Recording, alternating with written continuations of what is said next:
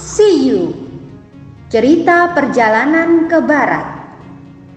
Ditulis oleh Wu Cheng En Diterbitkan oleh Buana Sastra. Selamat mendengarkan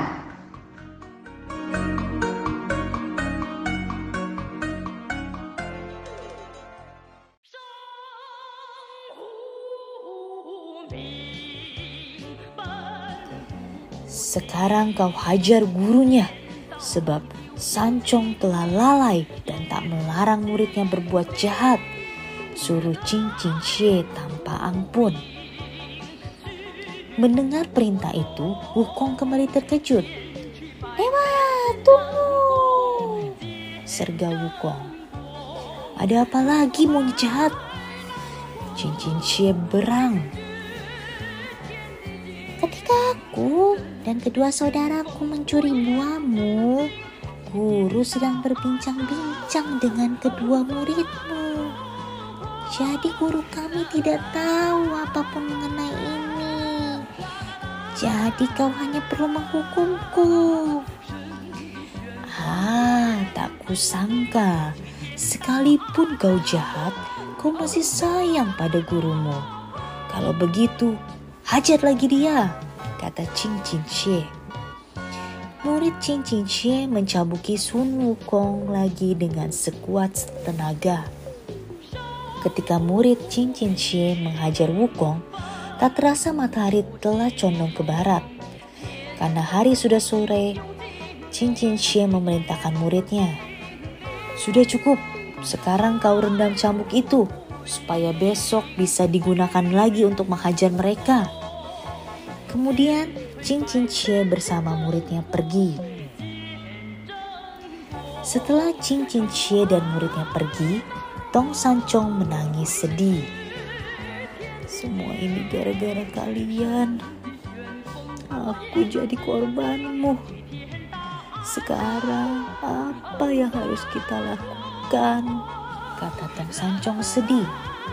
Sudah guru, jangan cemas dicambuk aku. Jawab Pukong. Sekalipun aku tak dicambuk, tapi aku diikat seperti maling. Tanganku sakit, kata Tong Sancong. Sabar guru, kita kan diikat sama-sama, kata Wu Chin. Sudah, jangan ribut, potong Wukong. Sebentar lagi, kita sudah tak akan berada di tempat ini lagi. Kita akan segera pergi. Jangan bergurau kakak, bagaimana kita bisa pergi? Sedangkan kau dan tangan kita terikat erat. Wucin bingung. Bukan menyombong, tapi tambang ini bisa dengan mudah kuputuskan. Jangankan tambang tipis ini, tambang besar dan lebar pun aku sanggup memutuskannya, kata Wukong. Saat itu suasana di tempat itu sudah mulai sunyi. Dengan cerdik, Wukong mengecilkan tubuhnya. Dengan demikian, ikatan pada tangan dan tubuhnya menggendut. Tak lama ia pun sudah terbebas dari ikatan tali itu. Guru, aku akan pergi, kata Wukong. Tentu saja, Bucin terkejut mendengarnya. Kakak, tolong kami. Kau mau ke mana? Wucin panik. Hush, diam kau. Wukong pun membukakan ikatan guru dan kedua adik seperguruannya. Mari, kita pergi. Ajak Wukong.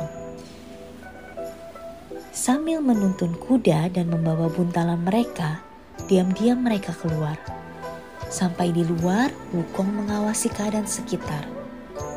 Adik, kata Wukong pada Paci. Coba kau tebas pohon dedalu itu dan jadikan empat batang. Untuk apa kak? Tanya Paci. Jangan banyak tanya, aku akan menggunakannya, kata Wukong. Lalu tanpa banyak bicara, Paci melaksanakan tugas. Keempat batang pohon dedalu itu lalu diserahkan pada kakak seperguruannya. Setelah membersihkan daun-daunnya, Wukong menyuruh Wu Jin dan Pace membawanya ke tempat hukuman. Oleh Wukong keempat batang pohon dedalu itu diikat untuk menggantikan tubuh mereka yang terikat tadi. Setelah itu, keempat kayu dedalu itu dibacakan mantra oleh Wukong. Kemudian, keempat batang pohon dedalu itu berubah menyerupai mereka. Keistimewaan manusia ciptaan Wukong ini adalah mereka bisa bicara seperti manusia biasa. Setelah segalanya beres, mereka bergegas meninggalkan kuil itu. Pada keesokan harinya, dalam perjalanan di atas kudanya, Tong Sancong tampak mengantuk. Menyaksikan hal itu, Wukong menggerutu. Huh, guru payah sekali. Lihat aku, sekalipun tidak tidur seribu malam, aku tak akan mengantuk. Guru, Sebaiknya kau turun saja untuk istirahat. Kalau sampai orang melihatmu mengantuk di atas kuda, pasti orang akan menertawakanmu. Mari kita istirahat dulu di tanjakan sana, kata Wukong. Tong Sancong menurut saja. Ia turun dari kudanya, kemudian mencari tempat yang teduh untuk beristirahat. Di kuil Wuxiang, Qin Chen bersama murid-muridnya sudah bangun pagi-pagi sekali.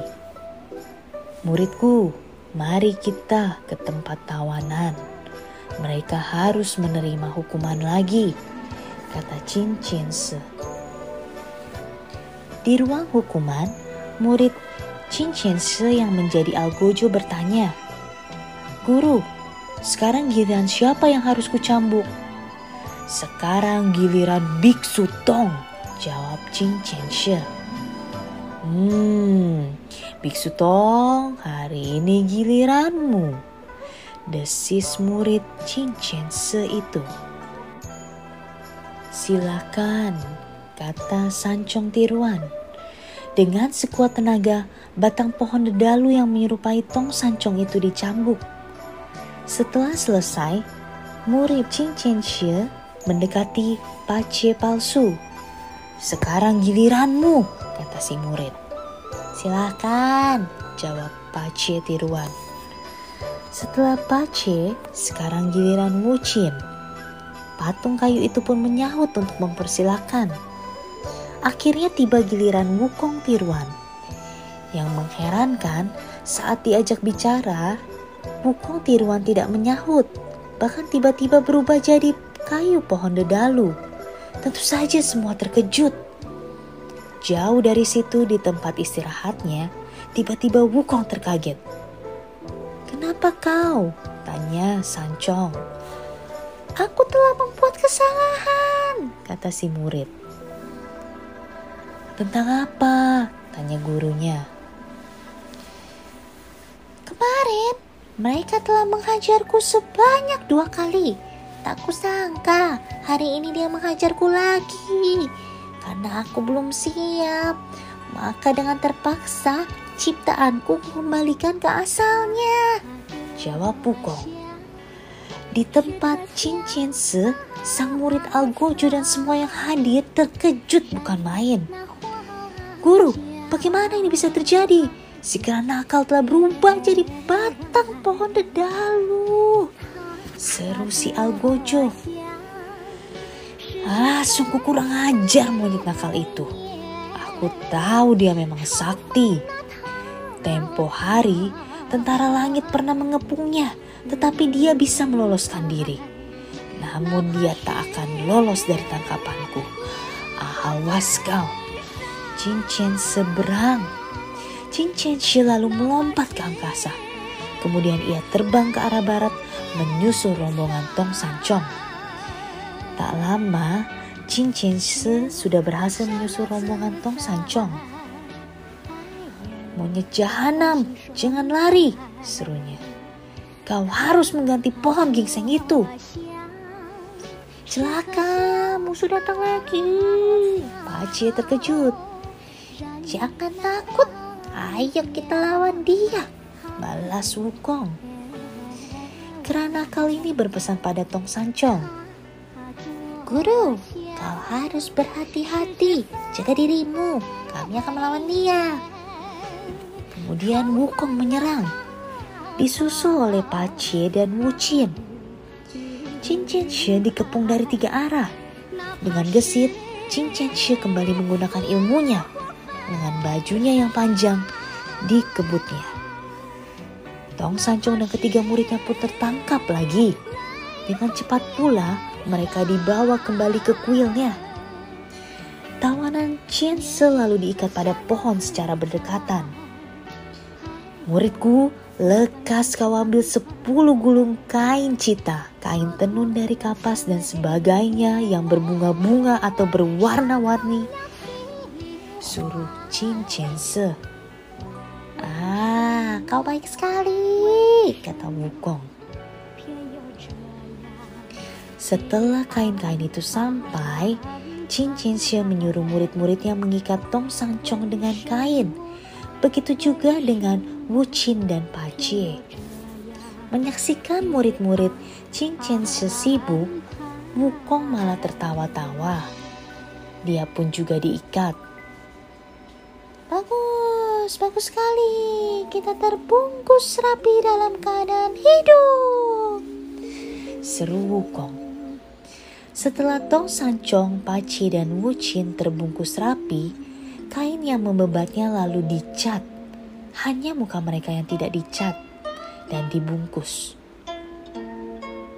Dewa, teriak Paci. Bagian muka tidak terlihat tak jadi soal.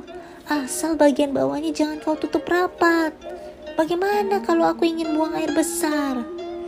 Diam kau, bentak Cincin Se. Tak lama murid-muridnya diperintahkan menyediakan kuali besar. Mendengar perintah itu, Wukong kembali mengoceh. Bagus, kita beruntung, Pacir. Mereka akan mengambil kuali untuk memasak nasi buat kita. Wah, aku mengerti sekarang. Mereka akan membunuh kita. Tapi sebelumnya mereka akan memberi kita makan. Dengan demikian kita mati dan jadi setan dengan perut kenyang, kata Pace. Sebuah kuali besar datang lengkap dengan minyak gorengnya. Mereka lalu sibuk menyediakan kayu bakar. Setelah semua siap, api pun dinyalakan setelah minyak di kuali mulai mendidih, Cincin Xie mulai memberi perintah. Pertama, kau masukkan segera nakal karena dialah yang merusak pohon kita. Mendengar perintah itu, Wukong tampak gembira sekali. Wah, ini sesuai dengan keinginanku, pikir segera nakal. Namun, tiba-tiba ia menjadi ragu. Eh, jangan-jangan ini minyak dewa. Cincin si memang lihai. Tapi baiklah, aku akan mencari akal. Wukong memandang ke sekitarnya. Ia melihat ada patung singa di sana. Dengan ilmunya, ia pun melompat tanpa dilihat lawan-lawannya. Kemudian ia menggigit lidahnya hingga berdarah. Darahnya ia cipratkan ke patung singa. Dalam sekejap, patung itu berubah menjadi dirinya. Kemudian, patung itu ia letakkan di tempat ia terikat tadi. Wukong sendiri terbang ke angkasa. Dari atas, ia mengawasi ke bawah. Tak lama kemudian, murid-murid Chin Chin Se menggotong patung singa-singaan yang mirip dirinya. Kemudian patung itu mereka bawa ke kuali yang berisi minyak mendidih. Namun, ketika mereka mencoba mengangkatnya, tubuh palsu Wukong bergeming. Murid lain pun membantu mereka untuk menambah tenaga. Sekarang ada empat orang yang akan menggotong tubuh si nakal. Sekalipun sudah menambah tenaga, mereka masih juga belum sanggup mengangkatnya. Maka jumlah orang ditambah lagi sampai mereka anggap cukup. Namun usaha mereka sia-sia sebab pukul tiruan itu seolah bertambah berat saja. Guru, sungguh mengherankan. Monyet sial ini sepertinya bertambah berat saja. Komentar salah satu murid Chin Se. Lekas, tambah lagi orangnya, kata Chin Se. Sekarang yang mencoba mengangkat wukong palsu sudah berjumlah 20 orang. Sang monyet palsu akhirnya terangkat, lalu mereka gotong menuju kuali yang berisi minyak mendidih. Pada saat monyet tiruan itu akan dicemplungkan ke kuali, Wukong menambah beban patung singa itu. Sehingga dengan tiba-tiba para murid Chin Chen Se melepaskan patung itu dengan mendadak. Tentu saja minyak dalam kuali jadi terciprat ke segala penjuru. Kedua puluh murid Chin Chen Se terkena cipratan minyak panas. Mereka pun kesakitan dan menjerit-jerit tiada henti. Tiba-tiba kuali besi raksasa itu terbenam dan patung singa pun berubah wujud menjadi aslinya. Menyaksikan kejadian itu, Cincin semara bukan main. Monyet kurang ajar. Di hadapanku kau masih berani bertingkah. Cincin bertambah berang. Kini dia kabur setelah merusak kualiku. Sekarang kita goreng tuh sancung saja. Biar dia yang menggantikan muridnya yang nakal itu. Setelah kuali diisi minyak lagi dan mulai mendidih, Tong Sancong lalu diangkat dan hendak dimasukkan ke kuali. Menyaksikan hal itu, Wukong kaget bukan main. Celaka, jika guru yang dimasukkan ke dalam minyak mendidih, dia pasti mati, pikir Wukong. Aku harus segera menolongnya sebelum dia matang digoreng. Tunggu, teriak Wukong yang muncul secara tiba-tiba. Mau apa kau? Tanya Jin Jin Si. Guruku tidak bersalah. Biarlah aku yang menerima hukuman. Jawab Wukong. Kurang ajar kau. Berani benar kau ya. Si kehilangan kesabaran sama sekali. Sabar Dewa, Tadi sebenarnya aku ingin mandi dalam kuali minyakku.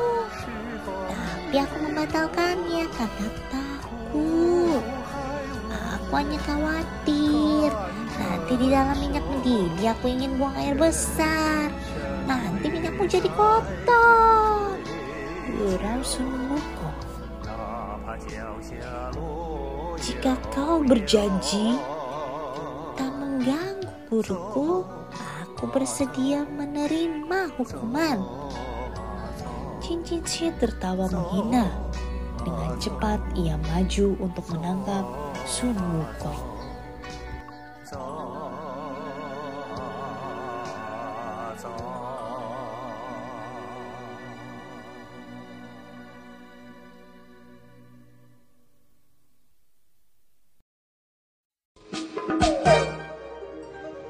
Dengarkan kisah selanjutnya dengan teman membaca yang lain. Terima kasih.